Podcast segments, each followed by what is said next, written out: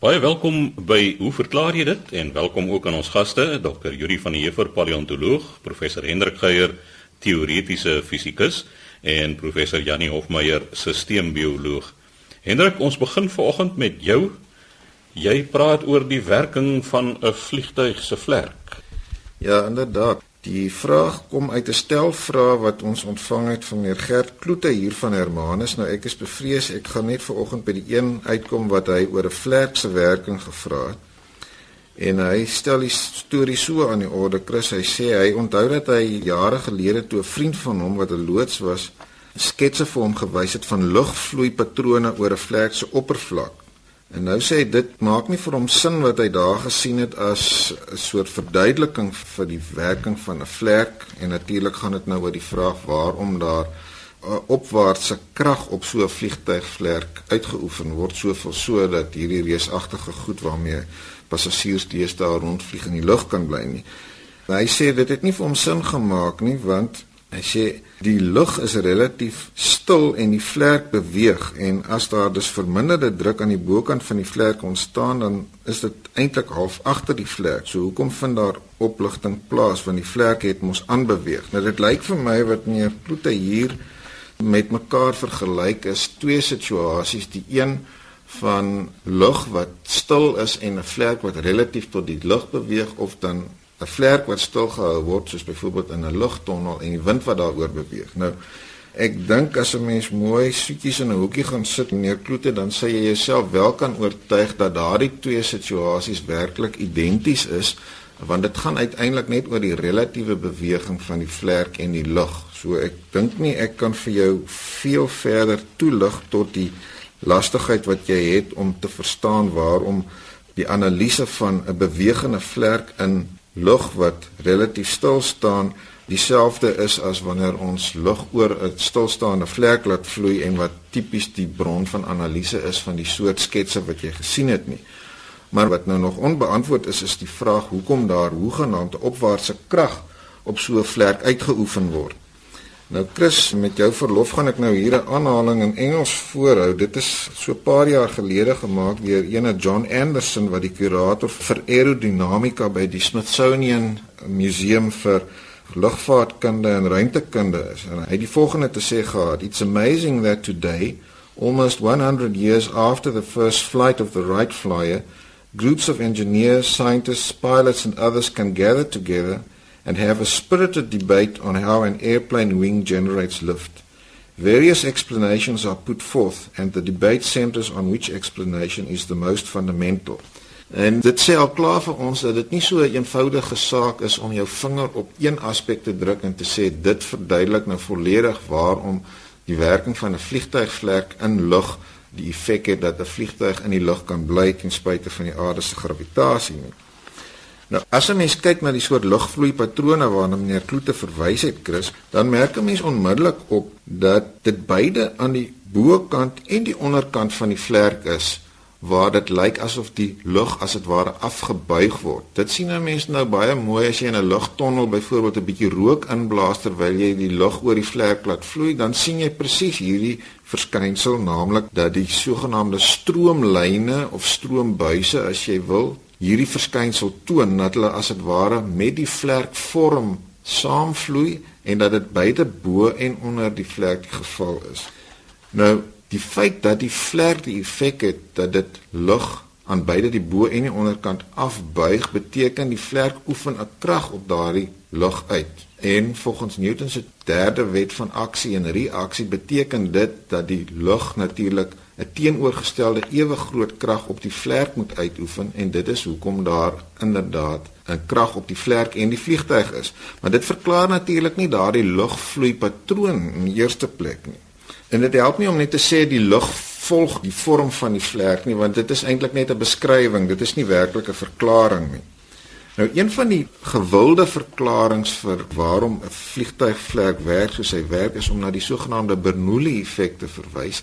Dit is daardie effek wat twee verskillende situasies met mekaar vergelyk, naamlik iets soos lug of vloeistof wat in 'n buis tipies vloei en 'n mens na daardie vloei kyk by plekke waar die deursnit van die vloeibuis verskil. En dan vind 'n mens uit dat waar die vloeibuis tipies vernou die vloeistof of lug vinniger moet beweeg om die konstante deurvloei natuurlik te handhaaf as 'n mens nou aanneem dat dit nie werklik noemenswaardig saamdrukbaar is nie.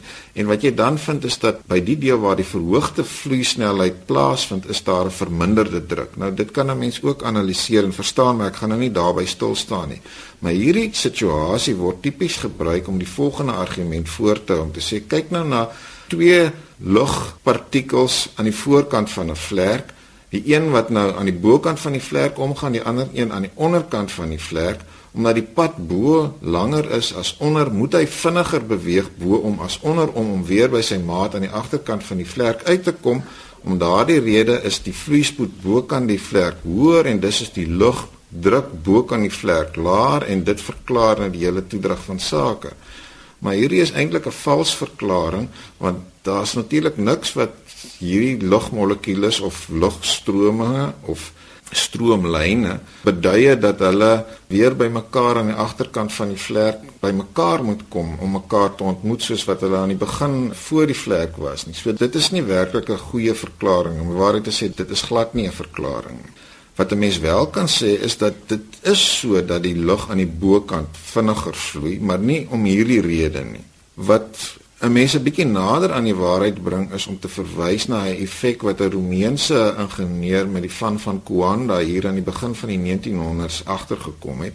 En dit is 'n effek wat 'n mens baie duidelik ook vir jouself kan demonstreer deur iets soos 'n lepel onder 'n stroom water by 'n kraan te hou as jy die water nou nie te vinnig laat loop nie, dan sal jy sien as die water op die geboë deel van die lepel se oppervlak raak, dan het dit die geneigtheid om eintlik die vorm van daardie gebuigde lepel te volg en daardie vasklou effek beteken deur aanhoudend die vorm van die lepel en dan by ekstrapolasie die vorm van die vlek te volg sien 'n mens dat hierdie effek dan vir jou verklaar waarom die lug afwaarts gedeflekteer word en die vliegtuig as 'n resultaat daarvan opwaartse krag ondervind. Nou, dit is ook nie heeltemal die volle verhaal nie, maar dit is 'n baie stewiger basis van verduideliking wat 'n mens natuurlik nou moet verklaar is waarom volg hierdie lig dan nou inderdaad daardie pad en gewoonlik word daar na die viskositeit of die taaiheid van die vlek verwys. So op die ou einde moet 'n mens sê dat daar verskillende aspekte is wat jy in berekening moet bring. In die lugvaartkunde word ingewikkelde bewegingsvergelykings gebruik om alle aspekte wat ter sprake is gelyktydig te probeer inkorporeer in hierdie verduideliking, maar hierdie twee aspekte, naamlik die Bernoulli effek en die Coanda effek is sentrale idees wat verband hou met die vermoë van 'n vliegtuigvlek om die vliegtuig in die lug te hou. Die Bernoulli effek nie in die konteks van wat ek uitgewys het 'n verkeerde verklaring is nie, maar as 'n mens eers weet dat die lug aan die bokant van die vlek wel vinniger vloei, dan is dit inderdaad so dat die Bernoulli effek verantwoordelik is vir die krag wat die vlek ondervind. Maar meneer Kloete, ek hoop dat hierdie beskrywing van uh, waarom 'n vliegtyg vlek sy ding gedoen kry as daar by jou enige angstigheid was om van punt A na punt B met hedendaagse vliegtye te vlieg, daarom daardie angs help besweer. Baie dankie aan professor Hendrik Geier vir daardie verduideliking oor die werking van 'n vliegtyg se vlek. Ons gesels verder in hoe verklaar jy dit en volgende aan die beurt professor Jannie Hofmeyer, ons steembioloog.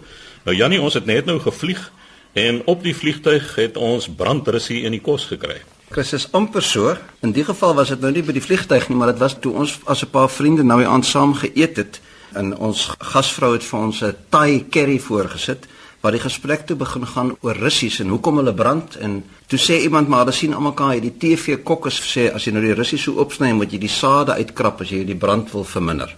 En is dit dan nou so dat die brand werklik in die sade sit? En ek was nie heeltemal op daai stadium seker of dit nou so is nie. Ek het vermoed soos wat dit in meeste ander gevalle is, hierdie soort van verbindings nie in die sade voorkom nie. Maar ek sê toe ek sal gaan uitvind, hulle moet maar kom luister nou hoe verklaar jy dit? om te hoor of dit nou werklik so is. So hierso is die antwoord nou. Soos altyd 'n klein bietjie agtergrond.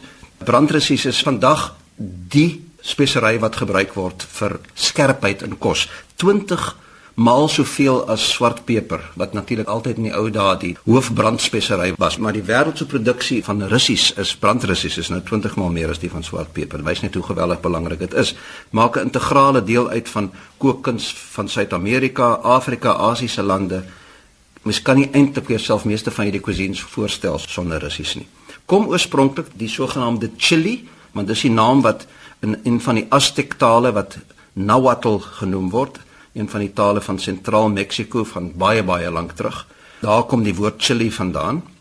En natuurlik het dit van daar af versprei in die oorsprong van al hierdie verskillende plante is dan uit in Suid-Amerika van waar dit versprei het na sentrale Noord-Amerika en die Karibiese eilande.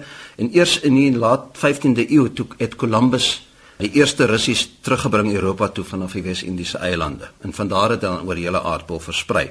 Chilies of die brandrussies Die is almal van die genus Capsicum en Capsicum is dan 'n deel van die familie Solanaceae waar ons ook onder andere die nastergal of belladonna kry. En daar's omtrent wilde spesies omtrent 25 Capsicum spesies waarvan 5 deur ons mak gemaak is.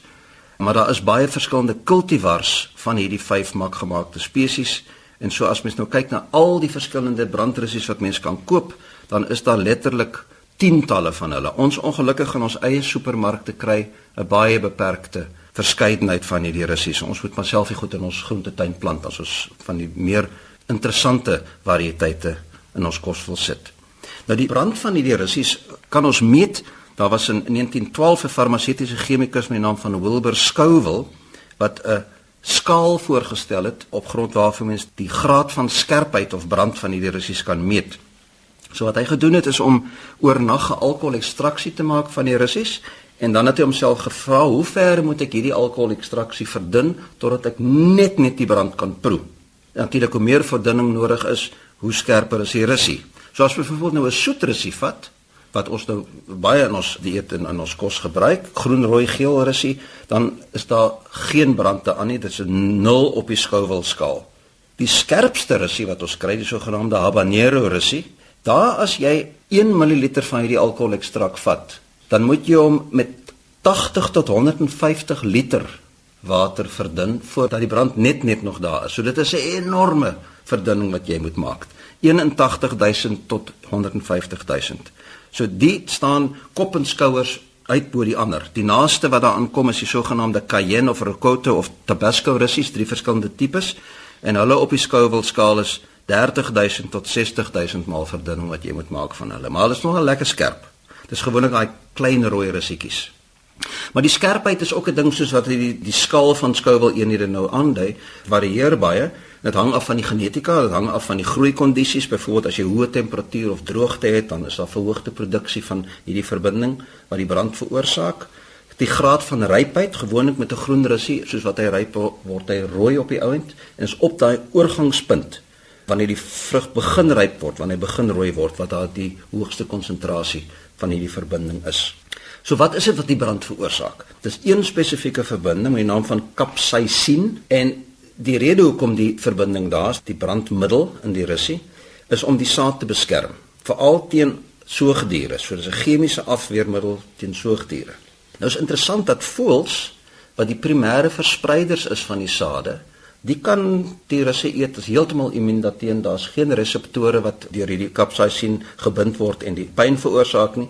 So daar het ons die situasie waar voëls immuun is terwyl soogdiere wat die vrugte kou en dan die sade breek, die ondervind die pyn van die brand van die russie. En dit is eintlik nogal ironies dat ons het verlief geraak op hierdie antisoogdierwapen van 'n plant en ons versprei op die einde die plant baie meer effektief as wat die voëls ooit gedoen het so klein bietjie evolusie wat hierso deur die mens veroorsaak het. So die vraag nou wat ek oorspronklik gevra het is waar kom hierdie verbinding dan nou in die in die vrug voor? As mens so 'n russie oopsny, dan sien mens binne-in, dit kan nou 'n soetrussie wees of 'n brandrussie, dan is daar behalwe die groen of die geel of die rooi vrugwand, is daar dan binne-in sulke wit sponserige vliese of ribbes waaraan die sade dan vassit en dit is die plasenta van die russie. En dit is in die plasenta waar hierdie verbinding kapsaicin voorkom. Dis die oppervlakselle van die plasenta wat hierdie verbinding vervaardig en dan akkumuleer die kapsaicin in druppeltjies wat net so onder die oppervlakvliesie van die plasenta sit. En onder druk As jy nou byvoorbeeld die russie net so vat en druk, dan breek daardie vliesie en hy druppeltjies kom dan sprei oor die sade en dit sprei ook oor die binnekant die oppervlakte van die vrug self. So die antwoord op my oorspronklike vraag wat gevra is dat nee die sade het nie die kapsaisien in nie, maar natuurlik soos wat mense die russie behandel of of daarmee werk, kom van hierdie verbinding vry en sprei oor die hele vrug. So as mens nou wil ontslaa raak van die brand, dan moet jy hom baie versigtig oopsny en dan sorg dat mens die sade en die vliesie saam verwyder. Maar versigtig want as mens rof daarmee werk, dan gaan van die kapsaisien kapsuletjies gaan breek en dan gaan jy in elk geval van die brand kapsaisien versprei oor die russie. So daar is die antwoord kom nie in die sade voor nie, maar in die vliesies wat binne in die vrug voorkom. So sê Janie Hofmeyer, ons sisteembioloog. Laaste aan die woord is Dr. Yuri van der Heever en Yuri, jy gesels oor kloning. Christelike brief van Gerrit Wenzel van die Parel. Gerrit Wenzel se vraag of sal ek liewer sê vrae handel oor die proses van kloning en hy 10 vrae gevra. So ek sal kyk hoe ver ek kom met die verklaring en soos Jannie vroeër gesê het, behoort 'n mens net so 'n bietjie van 'n inleiding te gee. Nou wanneer dit gaan oor kloning, is dit nou nogal 'n uh, onderwerp wat ons baie van hoor en waar uh, baie mense reaksie teen het. Ek dink Gerrit voel ook 'n bietjie so want hy sê in sy brief: "Kloning herinner my sterk aan wetenskap fiksie." En ek sou baie graag 'n uitklaring wil hê vir die vraag. Nou wanneer ons praat van kloning, is dit nie 'n unieke proses nie. Kloning gebeur al vir miljoene jare in die natuur want kloning produseer populasies van diere of plante. Dis 'n biologiese proses want dan uh, geneties identies is. Nou die oorspronklike betekenis van kloon kom uit die Grieks uit en dit beteken takkie of soos ons kan sê 'n steggie.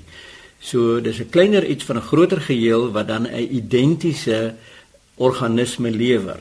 Nou die moderne mens het kloning nou so verfyn dat ons kan van kloning praat op die biotehnologiese vlak waar daar kopieë gemaak van stukkies DNA wat dan in selle kan ingesit word en dan kan dit 'n kloon daarvan maak. So kan 'n mens die DNA manipuleer om sekere vrugte, sekere eienskappe te gee wat dan in die bedryf gebruik kan word. Dan is daar metodes waar selle, geheel selle gekloon kan word en uh, dan ontwikkel so 'n populasie selle uit een sel uit en hulle is dan geneties almal identies en dit sien ons in elk geval in die natuur gebeur by nie geslagtelike voortplanting waar selle doodgewoon in twee deel geneties identies, so hulle is klone van mekaar en dit is nie beperk net tot by bakterieë nie, maar daar is selfs werveldiere wat dit doen. Die woord wat nou hier gebruik word is partenogenese en mens kry in sekere reptielpopulasies dat hulle net uit wyfies bestaan. En die wyfies lê dan onbevrugte eiers wat weer tot wyfie akedissies ontwikkel. So hulle is almal klone van mekaar en dan laasens en ek dink dit is wat Gerrit nou meer in gedagte het is waar heel organismes gekloon word. En dan laat ons in die gebruik van kloning by rekenaars en rekenaartegnologie buite rekening want ons praat nou net hier van die biologie. Nou dis moontlik om organismes te kloon. In die FSA is daar al sedert 2006 wetgewing wat sê dat gekloonde vleis kan in die supermark verkoop word sonder enige spesiale etikettering daarvan. In Europa is mense bietjie versigtiger. Hulle is nog nie so ingenome daarmee nie. Nou wat gebeur in so 'n geval en ons herinner ons duidelik aan die skaap Dolly wat die eerste soogdier is of eerste vee wat gekloon is. Wat gewoonlik daar gebeur is dat en dit verwys na Gerrit se vrae ook dat daar word 'n eiersel geneem van 'n wyfie dier en dan word met mikroinstrumente word die kern uit die wyfie sel uitgehaal. So die sitoplasma en die res van die sel is nog intak en dan kan 'n mens 'n ander liggaamsel neem, nie 'n geslagsel nie. So jy kan 'n sel neem uit die vel uit van die donordier en dan word die kernmateriaal in daai leë eiersel ingesit en dit stimuleer die eiersel of dit kan met 'n swak elektriese lading gedoen word dan begin daardie sel verdeel die kliewingsproses om dan uiteindelik as dit sou toegelaat word om tot volwassenheid te ontwikkel, dan het jy 'n kloon van die donor, die genetiese identiese voorbeeld daarvan. Hierdie soort van goed is al gedoen. Dolly byvoorbeeld die skaap het ek dink vir 6 jaar gelewe en die is toe dood. Nou die mense wat Dolly gekloon het, die sê Dolly is dood aan natuurlike oorsake. Die mense wat teen die kloningsproses was, sê nee, daar kom sekere defekte na vore met kloning en uh, dit is hoekom Dolly dood is.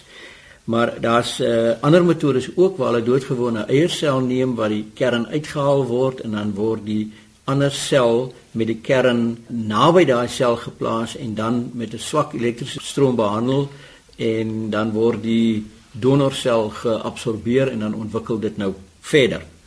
Nou daar's verskillende maniere van hierdie goed doen.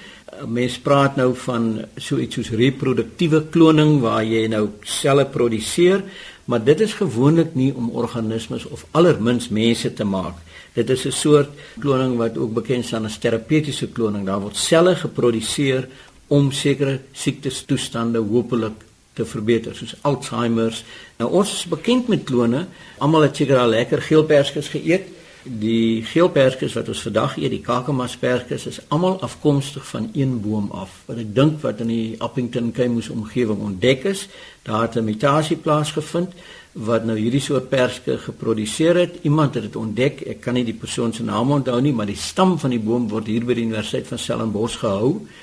En uit daai enkele boom uit is al hierdie ander klein steggies gemaak en klein kakamas geelperskes boontjies gemaak en dit is versprei in die industrie en dis vandag een van die lekkerste perskes in die wêreld. Nou wat Gerrit se vrae behels is hy sê byvoorbeeld moet selle van 'n spesifieke area gebruik word vir die proses of is alle liggaamselle van die donor geskik. Nou gewoonlik word daar selle gebruik wat nie geslagselle is nie, so dis liggaamselle, dis somatiese selle wat gebruik word, maar jy moet natuurlik nou 'n sel hê wat 'n kern het. So jy kan nie rooi bloedliggaampies gebruik nie want by soogdiere dit behalwe die kameel het dit nie kerne nie. So jy kan nie enige sel gebruik nie. Jy kan meeste selle gebruik, maar dit word die hulle probeer dit op die eenvoudigste moontlike manier doen. Hierdie kan ek miskien net byvoeg dat die selle moet gewoonlik kan gewoonlik net so gebruik word nie. Hulle moet eintlik weer teruggebring word na 'n vroeë toestand, 'n ongedifferensieerde toestand, soos wat kom ons sê 'n stamsel toestand voordat dit as 'n reseptor vir die donorkern gebruik kan word. So dis 'n bietjie van 'n probleem. Ons moet nou eers agterkom hoe om dit te doen, om hierdie selle soort van te herprogrammeer sodat hulle geskik is om as as akseptors op te tree. Jy is heeltemal reg want kort na bevrugting as die kliewingsproses begin het en jy het nou wat hulle noem 'n blastocyst soos by mense dan is al daai selle op daardie ontwikkelingsstadium is pluripotent. Met ander woorde dit kan enige liggaamsel vorm, maar as jy nou 'n sel in 'n volwasse stadium, 'n volwasse lewer of 'n volwasse vel neem, dan is die sel al gevestig in die soort orgaan waarna hy opereer. So die groot ding is om hom dan nou terug te bring dat jy weer stamselle kan kry met ander woorde 'n groepie selle wat jy dan kan gebruik wat enige ander sel in die liggaam vorm. Jy's heeltemal reg. Dankie daarvoor. Vraag 2 is is dit korrek dat slegs lewende selle van die donor gebruik kan word? Ja, die selle moet lewendig wees. Jy kan nie dooie selle gebruik nie.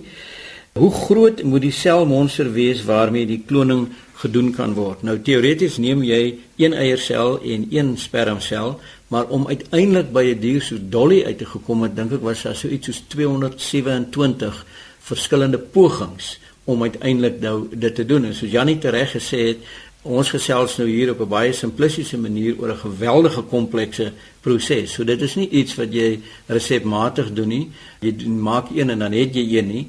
Dit is 'n kwessie van baie baie probeerslae om uiteindelik so iets te kan doen. Hoe en waar word die gekloonde mens of dier gegroei en vanaf die oorspronklike selle? Ek neem aan dat aanvanklik slegs 'n relatief klein aantal selle van die donor benodig word. Ja, in teorie gebruik jy een sel en dan as jy nou dit in die posisie het waar dit 'n blastocyst vorm waar die kliewingsproses begin, dan word dit gewoonlik geïmplanteer in 'n ontvanger. By die mens of by enige ander soogdier sal dit nou in die uterus geplaas word en bloot die teenwoordigheid daarvan lei dan tot die vorming van die plasenta, die verhoogde bloedtoevoer en uh, die soort van goed. Maar nou moet 'n mens net dadelik sê dat daar is blykbaar al mense wat gewerk het met selle van mense en van hierdie eksperimente is dan gestop voordat 14 dae verloop word. Want in die menslike embriologie tot op 14 dae is die ontwikkeling van die selle so dat daar dalk nog nie 'n embrio is nie al die nodige goed vir embrio is gevorm. Daar's 'n amnion gevorm, daar's 'n allantoïs gevorm, die chorion is gevorm. Dis alles membrane wat nodig is en dan uiteindelik na 14 dae dan bly daar 'n dubbele laagie selle oor en daaruit gaan die embrio nou ontwikkel. So wat hierdie medisy gedoen het is hulle laat dit loop tot voor daai tyd en dan word dit getermineer sodat jy eintlik kan sê dat ons nou 'n menslike embrio doodgemaak het nie. Verdere vraag is Hoe groot is die gekloonde produk by geboorte? Met ander woorde word die produk as 'n baba gebore en groei dan normaal tot die volgroeide grootte. Nou ja, dit is doodgewoon geboorte soos 'n baba want jy begin nou met 'n uh, sigoot met ander woorde is nie 'n regte sigoot nie want daar is nie sperm by betrokke nie maar jy begin met die ontwikkeling van een sel wat dan 'n hele klomp selletjies maak en dan 'n nuwe individu bymekaar sit en dit is dan inderdaad 'n baba wat op die normale manier gebore gaan word. Vraag 6: Is dit korrek dat as die oorspronklike selle afkomstig is van byvoorbeeld 'n 40-jarige mens, die kloon dieselfde ouderdom by geboorte sal wees as die donor. Nee, uh mens begin reg van voor af met hierdie embrionale ontwikkeling so dit gaan 'n uh, baba wees. Dit gaan nie 'n volwasse persoon wees nie. Die ouderdom gaan ook nie daar wees nie, maar mense moet tog onthou dat daar gewoonlik gesê word dat 'n vrou nie moet wag tot sy middeljarig is voordat sy kinders behoort te hê nie, want 'n vrou word gebore met al haar eierselle wat sy ooit in haar lewe gaan hê in die ovarium. So die klein babatjie het al daai eierselle en as jy nou eers 'n kind gaan hê as jy 40 of 50 jaar oud is, dan is jou eierselle daai ouderdom. As 'n mens nou sou vir 'n kloning selle van die vel gebruik, dan uh, moet 'n mens onthou dat die vel word gedurig geregenereer. So hy skil vir af aan die buitekant, nou word gedurig nuwe plaveisel epiteel of wat ook al gevorm. So mense sou seker kon sê Janie dat daai daai sel is dan nie die ouderdom van die persoon nie, maar ehm um, mense sou nie graag wou regtig ou selle gebruik nie, maar die baba wat gebore word gaan 'n baba wees. Sal die kloning dieselfde swakhede, byvoorbeeld swak knieë, hoë cholesterol hê as die donor net as dit in die gene materiaal wat jy ingesit het in daai eiersel, as dit daarteenwoordig is, want uh, dink soos taal, as jy 'n uh, baie swetsende matroos se selle gebruik het beteken dit nie dat daai baba dan gaan groot word en baie swetsie want hy het nog nie taal geleer nie. So die die omgewing daar speel 'n baie groot rol. So baie dankie Gerrit vir 'n stel interessante vrae. Ek kan ongelukkig nie almal klaar maak nie, maar sal hoop om dit by 'n uh, eh, volgende program af te handel. En ongelukkig het die tyd ons weer ingehaal. Ons sê dankie aan Dr. Judy van der Heever, paleontoloog, professor Hendrik Geier, teoretiese fisikus en professor Janie Hofmeyer sisteembioloog. Skryf aan ons by hoe verklaar jy dit? Posbus 2551 Kaapstad 8000 of stuur 'n e-pos aan chris@rsg.co.za.